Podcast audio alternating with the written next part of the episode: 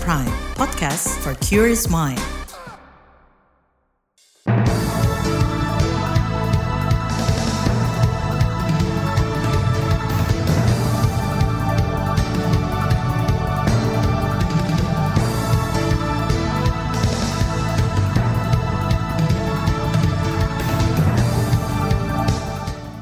Selamat pagi saudara, senang sekali kami bisa menjumpai Anda melalui program Buletin Pagi edisi Senin 16 Oktober 2023. Saya Naomi Liandra. Sejumlah informasi pilihan telah kami siapkan di antaranya. Dukungan Projo pada Prabowo, sinyal kuat dukungan Jokowi. MK putuskan batas usia Capres-Cawapres. Anies ajak pendukungnya tak jelekan calon lain. Inilah Buletin Pagi selengkapnya. Terbaru di Buletin Pagi. Saudara kelompok relawan Pro Jokowi atau Projo resmi mendukung Ketua Umum Partai Gerindra Prabowo Subianto sebagai bakal calon presiden di pemilu tahun depan. Ketua Umum Projo Budi Ari Setiadi menyatakan dukungan tersebut merupakan aspirasi para anggota. Selain itu konsultasi juga sudah dilakukan dengan Presiden Joko Widodo selaku Ketua Dewan Pembina Projo. Berani dan punya nyali serta punya komitmen untuk terus memajukan Indonesia dan mensejahterakan rakyat. Dan tidak mudah menyerah, pantang menyerah. Karena bangsa Indonesia harus punya karakter pantang menyerah. Dan Pak Prabowo adalah patriot sejati yang karena itulah kami dari Projo sepakat untuk mendukung Bapak Prabowo Ketua Umum Projo yang juga Menkominfo Budi Ari Setiadi mengklaim para pengurus di daerah solid pendukung Prabowo. Budi tidak menampik ada satu dua daerah yang mendukung bakal calon presiden dari PDI Perjuangan Ganjar Pranowo. Saat menerima dukungan dari Projo, baca pres Prabowo Subianto menyatakan siap mengemban amanah mulia. Dukungan Projo menurut Prabowo semakin menggairahkannya berbakti kepada bangsa, sekaligus melanjutkan kerja-kerja dan pembangunan yang sudah dilaksanakan Presiden Joko Widodo. Menurut Wakil Ketua Umum Partai Gerindra Habibur Rahman, dukungan Projo berdampak signifikan bagi peningkatan elektabilitas Prabowo, sekaligus angin segar bagi koalisi Indonesia Maju begitu Projo mendukung Pak Prabowo, saya pikir ini pembawa bandul kemenangan uh, bagi Pak Prabowo di Pilpres ini. Jadi dari sisi partai politik kita juga maksimal. Ada Partai Demokrat, Golkar, apa namanya yang di parlemen ada PAN, Bulan Bintang, PSI, ya, Main Lora, Partai Garuda, Partai Prima. Dari sisi relawan masuk relawan yang yang berperan gitu loh. Nah, kalau mesin ya ini ada dua dua mesin yang sama-sama panas sekarang mendukung mm -hmm. Pak Prabowo. Wakil Ketua Umum Partai Gerindra Habibur Rahman menambahkan partainya bersama Koalisi Indonesia Maju masih menyerap aspirasi rakyat sebelum mengumumkan bakal calon wakil presiden pendamping Prabowo. Di lain pihak, Ketua Tim Koordinasi Relawan Pemenangan Pilpres TKRPP PDIP Ahmad Basarah menghormati putusan Projo mendukung Prabowo Subianto. Menurut Ahmad, hal itu merupakan hak demokrasi para relawan Projo. Saya selaku Ketua Tim Koordinasi Pemenangan Relawan Ganjar Pranowo eh, menghormati setiap keputusan politik yang diambil oleh masing-masing organ relawan untuk menentukan arah politik dan dukungannya pada Pilpres 2024. Ketua Tim Koordinasi Relawan Pemenangan Pilpres TKRPP PDIP Ahmad Basarah menambahkan organisasi relawan seperti Projo merupakan organisasi yang independen dan mandiri hingga berhak menentukan pilihan politiknya sendiri. Ahmad juga menegaskan agar relawan Projo Ganjar tetap solid dan terus bergerak memenangkan Ganjar Pranowo di Pilpres tahun depan. Sementara itu, pengamat politik dari Universitas Al-Azhar Indonesia, Ujang Komarudin, menilai dukungan kelompok relawan pro-Jokowi, Projo, kepada Prabowo menjadi sinyal kuat arah dukungan Presiden Joko Widodo, yaitu mendukung baca pres Prabowo Subianto. Sebagai kumpulan relawan, menurut Ujang tidak mungkin Projo memberi dukungan ke Prabowo tanpa ada restu dari Jokowi. Ya kalau saya melihatnya ya ini adalah sinyal kuat ya dukungan Jokowi kepada Prabowo Subianto dengan Projo mendeklarasikan dukungannya kepada Prabowo Subianto di Kertanegara pas Karakernas itu gitu. Jadi dalam konteks itu ya ketika itu kan Projo kan relawan Jokowi asli langsung terbesar yang dimiliki oleh Jokowi. Tidak mungkin uh, Projo itu mendeklarasikan capresnya gitu kepada Prabowo tanpa izin, restu dan dukungan dan perintah Pak Jokowi gitu. Pengamat politik dari Universitas Al-Azhar Indonesia, Ujang Komarudin, menambahkan dukungan Projo berpotensi meningkatkan elektabilitas Prabowo Subianto, tapi hal itu masih harus diuji melalui survei. Saudara putusan MK terkait batas usia capres-cawapres dianggap orkestrasi politik. Informasinya hadir usai jeda. Tetaplah di Buletin Pagi, KBR. You're listening to KBR Pride, podcast for curious mind. Enjoy!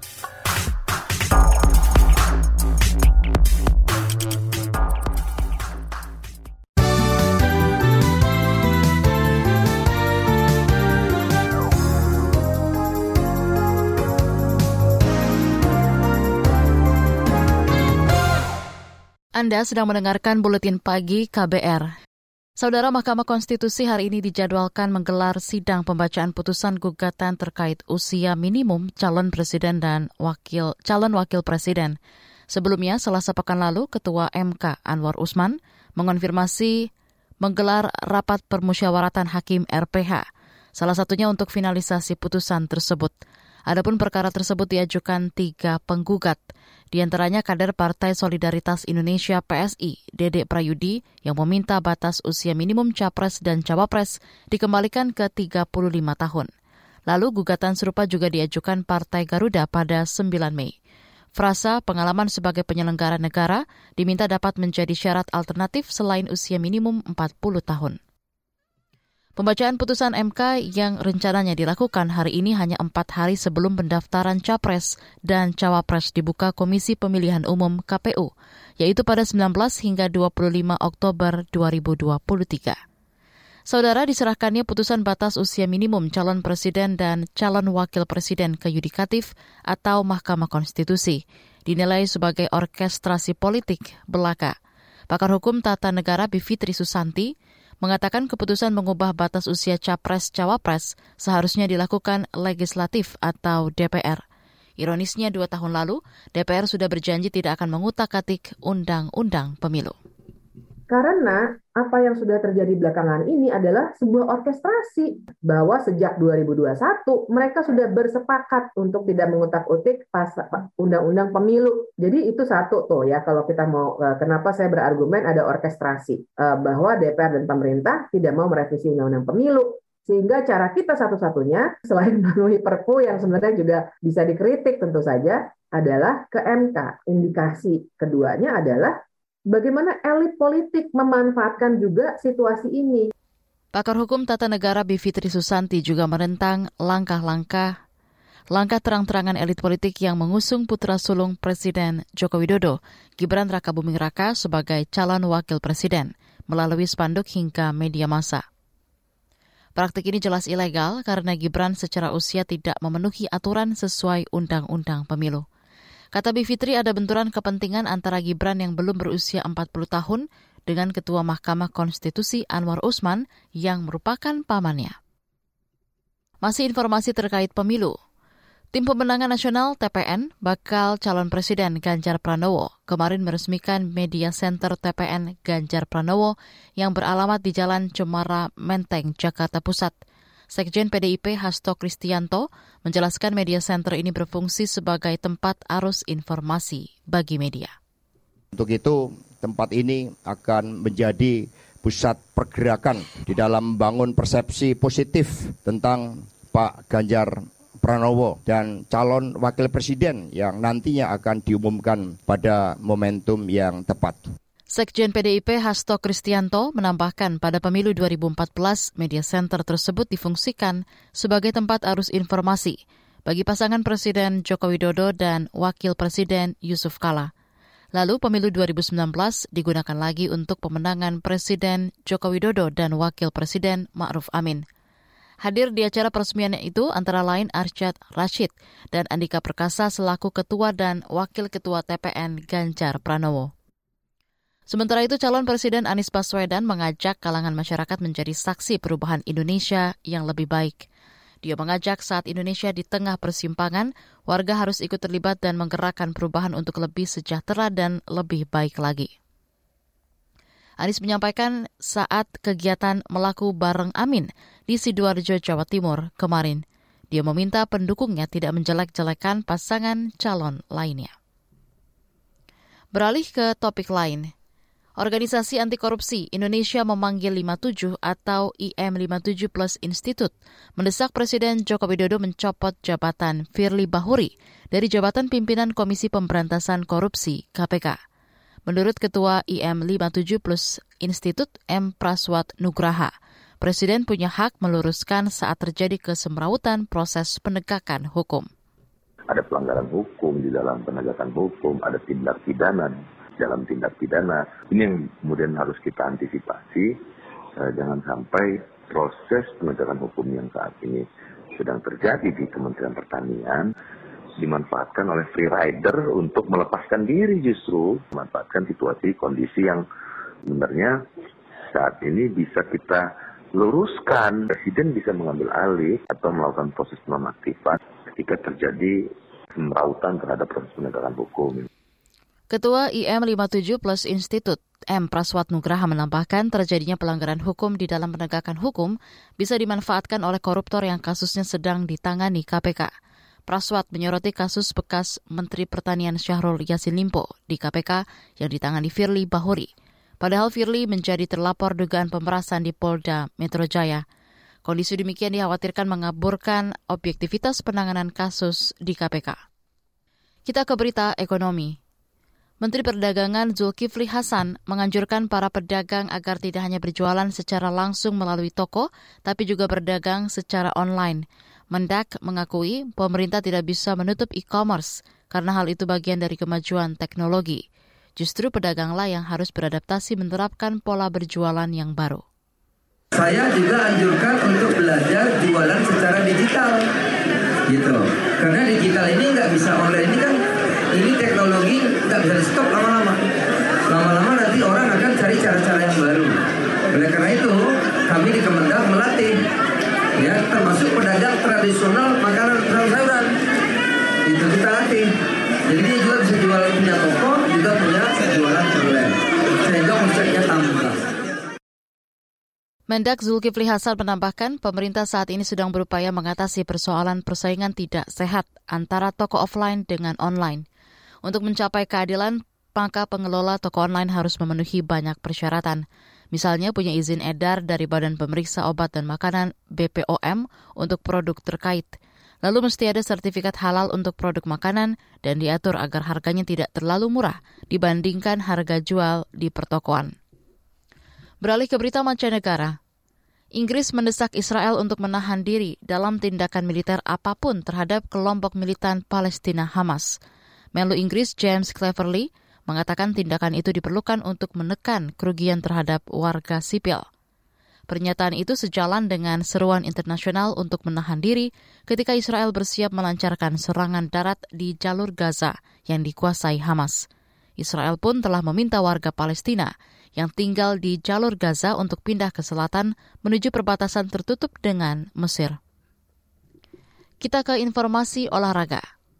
Francisco Bagnaia memenangkan MotoGP Mandalika 2023. Ia mengalahkan Maverick Vinales dan Fabio Quartararo. Kemenangan ini membuat Bagnaia kembali memuncaki klasemen MotoGP 2023 dengan 346 poin, unggul 18 poin atas Jorge Martin. Martin mengalami hasil buruk setelah terjatuh dan gagal melanjutkan balapan. Padahal pebalap Pramac Racing itu sedang memimpin klasemen namun terjatuh di tikungan 11. Sementara itu pebalap Indonesia Veda Ega Pratama melanjutkan catatan positifnya di sirkuit Mandalika. Kemarin Veda memenangkan race kedua Asia Talent Cup ATC 2023. Zen Mitanyo berhasil meraih finish di posisi kedua, sedangkan Amon Odaki di posisi ketiga. Keduanya berasal dari Jepang. Di bagian berikutnya kami hadirkan Saga KBR bertajuk Kapan Bisa Berlepas Diri dari Merkuri yang akan hadir usai jeda. Tetaplah di Buletin Pagi KBR. You're listening to KBR Pride, podcast for curious mind. Enjoy!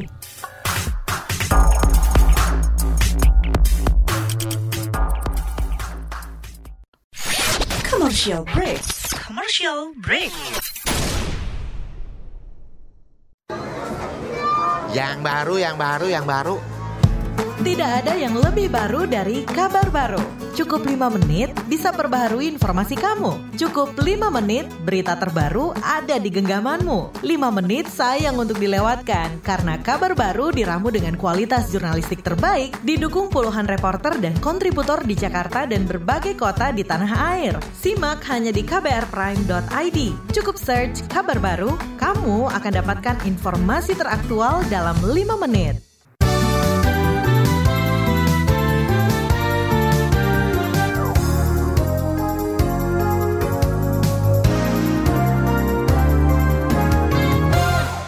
Anda masih bersama kami di Buletin Pagi KBR. Pemerintah menargetkan pertambangan emas skala kecil PESK bebas dari penggunaan merkuri pada 2025. Namun di lapangan perdagangan ilegal merkuri masih marak. Kekhawatiran itu yang mendorong Nexus 3 Foundation meneliti kandungan merkuri pada ikan di Jakarta. Tim KBR berbincang dengan para peneliti Nexus tentang hasil temuannya. Bagaimana pula tanggapan pemerintah? Simak Saga KBR yang dibacakan Fitri Angreni.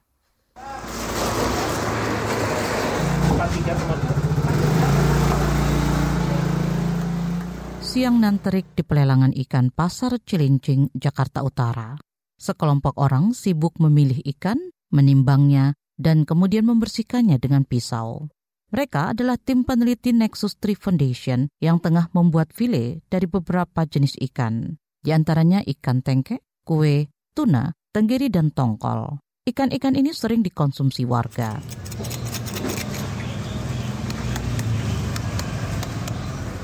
File-file ikan itu dibawa ke laboratorium untuk dites kadar merkurinya. Hasilnya agak mengkhawatirkan, terutama untuk ikan tengke. Peneliti Nexus 3 bonus sahuda. Ikan lengke merupakan salah satu jenis ikan yang mempunyai kadar merkuri cukup tinggi mengingat bobotnya yang relatif kecil. Hal ini tentunya menjadi sorotan khusus karena ikan tengke merupakan ikan yang cukup populer di kalangan masyarakat dan dapat ditemukan di online shop dengan harga yang relatif terjangkau. Ini kali pertama Nexus 3 meneliti kandungan merkuri pada ikan. Lokasinya pun baru. Mereka biasanya meneliti di wilayah pertambangan emas skala kecil atau PESK seperti di Maluku dan Minahasa, Sulawesi Utara. Selama puluhan tahun, penambangan ini dikerjakan warga lokal secara ilegal dengan menggunakan merkuri. Totalnya sekitar 190 titik di seluruh Indonesia. Tidak ada nama DKI Jakarta. Namun Nexus menduga pencemaran merkuri sudah lintas pulau, menyebar terbawa air laut dan sungai. Apalagi di sekitar Jakarta ada aktivitas bongkar kapal dan pembangkit listrik tenaga uap PLTU Batubara yang juga melepaskan emisi merkuri. Kemudian dari air itu nanti kita akan bisa melihat ada fitoplankton, zooplankton yang akan mengkonsumsi merkuri-merkuri itu. Kemudian nanti akan kayak jadi rantai makanan gitu mbak. Kan besar-besar-besar gitu ya dari fitoplankton dimakan ikan, kemudian ikan dimakan manusia. Nah itu bahayanya kayak gitu. Dampak merkuri pada kesehatan memang tak langsung kentara, tetapi nyata ketika tingkat paparannya intens dengan kandungan tinggi. Sonia Bufteim, peneliti Nexus 3, pernah mencicipi dampak paparan merkuri pada 2016 silam. Kala itu, dia tengah meneliti di lokasi penambangan emas sekotong, Nusa Tenggara Barat. Uh, yang aku rasakan karena mungkin aku paparannya cuma beberapa bulan ya. Jadi ya tadi pusing, mual, muntah, terus kadang kayak badan tuh kayak nggak mau diajak gitu loh. Maksudnya diajak kerja gitu lebih ke pengen rebahan dan sebagainya gitu. Mungkin buat kita mungkin oh kecapean dan sebagainya gitu. Tapi memang saat dites kan cukup tinggi merkurinya. Jadi gejala-gejala itu dirasakannya setelah tiga hari bekerja di lapangan. Padahal Sonia tidak sepanjang hari berada di lokasi penambangan. Dia menginap di hotel yang cukup jauh dari kampung warga. Tak sekalipun Sonia makan dan minum di sana. Sonia kemudian diminta kembali ke Jakarta dan melakukan tes darah. Benar saja, kadar merkurinya melampaui ambang batas Organisasi Kesehatan Dunia WHO.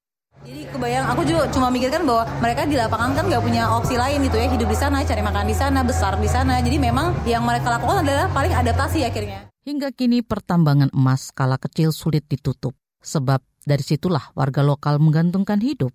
Direktur di KLHK Haruki Agustina menyebut upaya penghapusan merkuri di penambangan emas terus berjalan. Sampai sekarang, penggunaan merkuri baru turun 15 hingga 20 persen. Padahal target bebas merkuri sebentar lagi yakni 2025.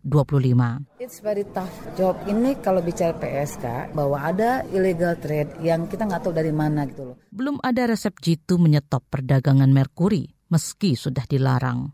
Bahan berbahaya itu dengan mudah bisa diperoleh di loka pasar. KLHK mengenalkan alternatif cara menambang emas dengan menggunakan sianida. Ada bahan lain yang ramah lingkungan tetapi terlalu mahal bagi penambang kecil.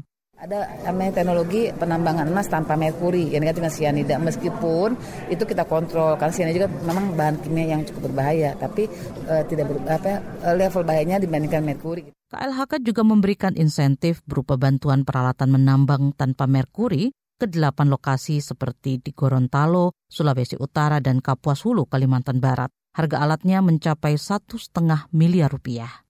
Upaya penghapusan merkuri juga melibatkan kementerian lembaga lain, salah satunya Kementerian ESDM yang diharapkan ikut mengedukasi lewat perizinan tambang. Karena kan yang izin itu dari teman-teman ESDM. Jadi memang ini konteksnya adalah kolaborasi nggak bisa. Kami konsen dalam konteks lingkungannya saja karena ini merkuri bahaya maka kita stop. Makanya jadi edukasi segala macam harus lintas. Teman-teman ESDM harus juga memberikan kontribusi dalam konteks edukasi perizinan. Syarat perizinan itu apa saja kan di teman-teman ESDM. Demikian Saga KBR. Saya Fitri Anggreni. Informasi dari berbagai daerah akan hadir usai jeda. Tetaplah bersama Buletin Pagi KBR. You're listening to KBR Pride, podcast for curious mind. Enjoy!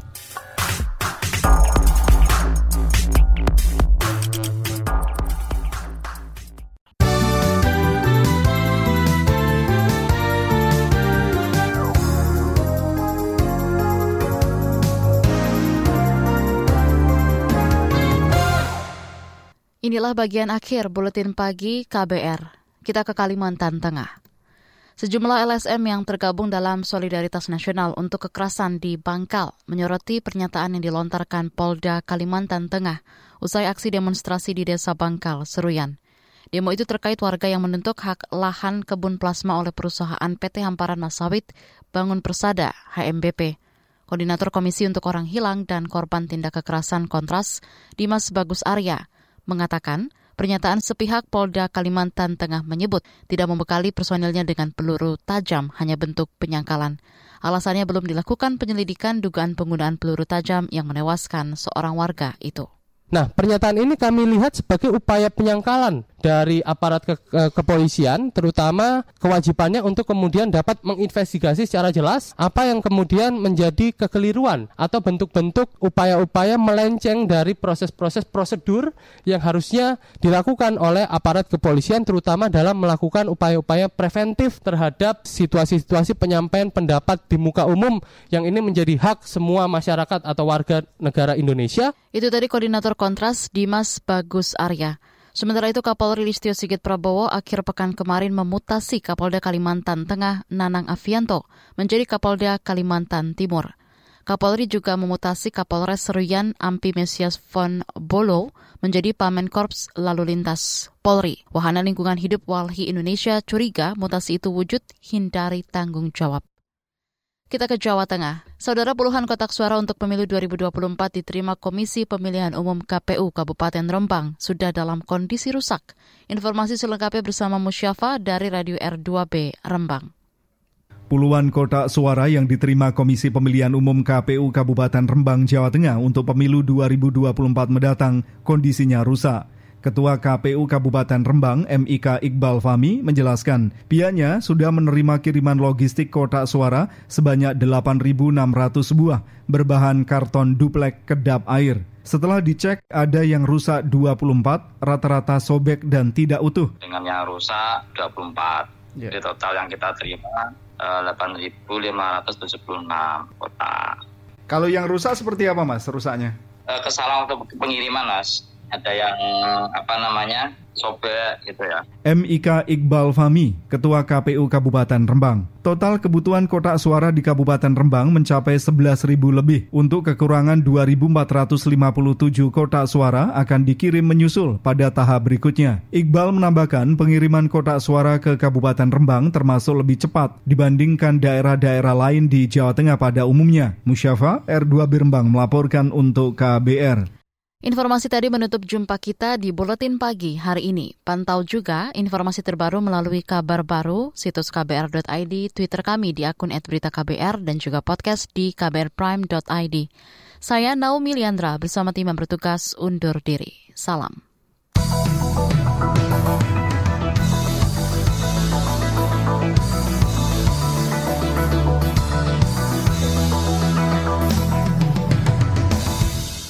KBR Prime, cara asik mendengar berita. KBR Prime, podcast for curious mind.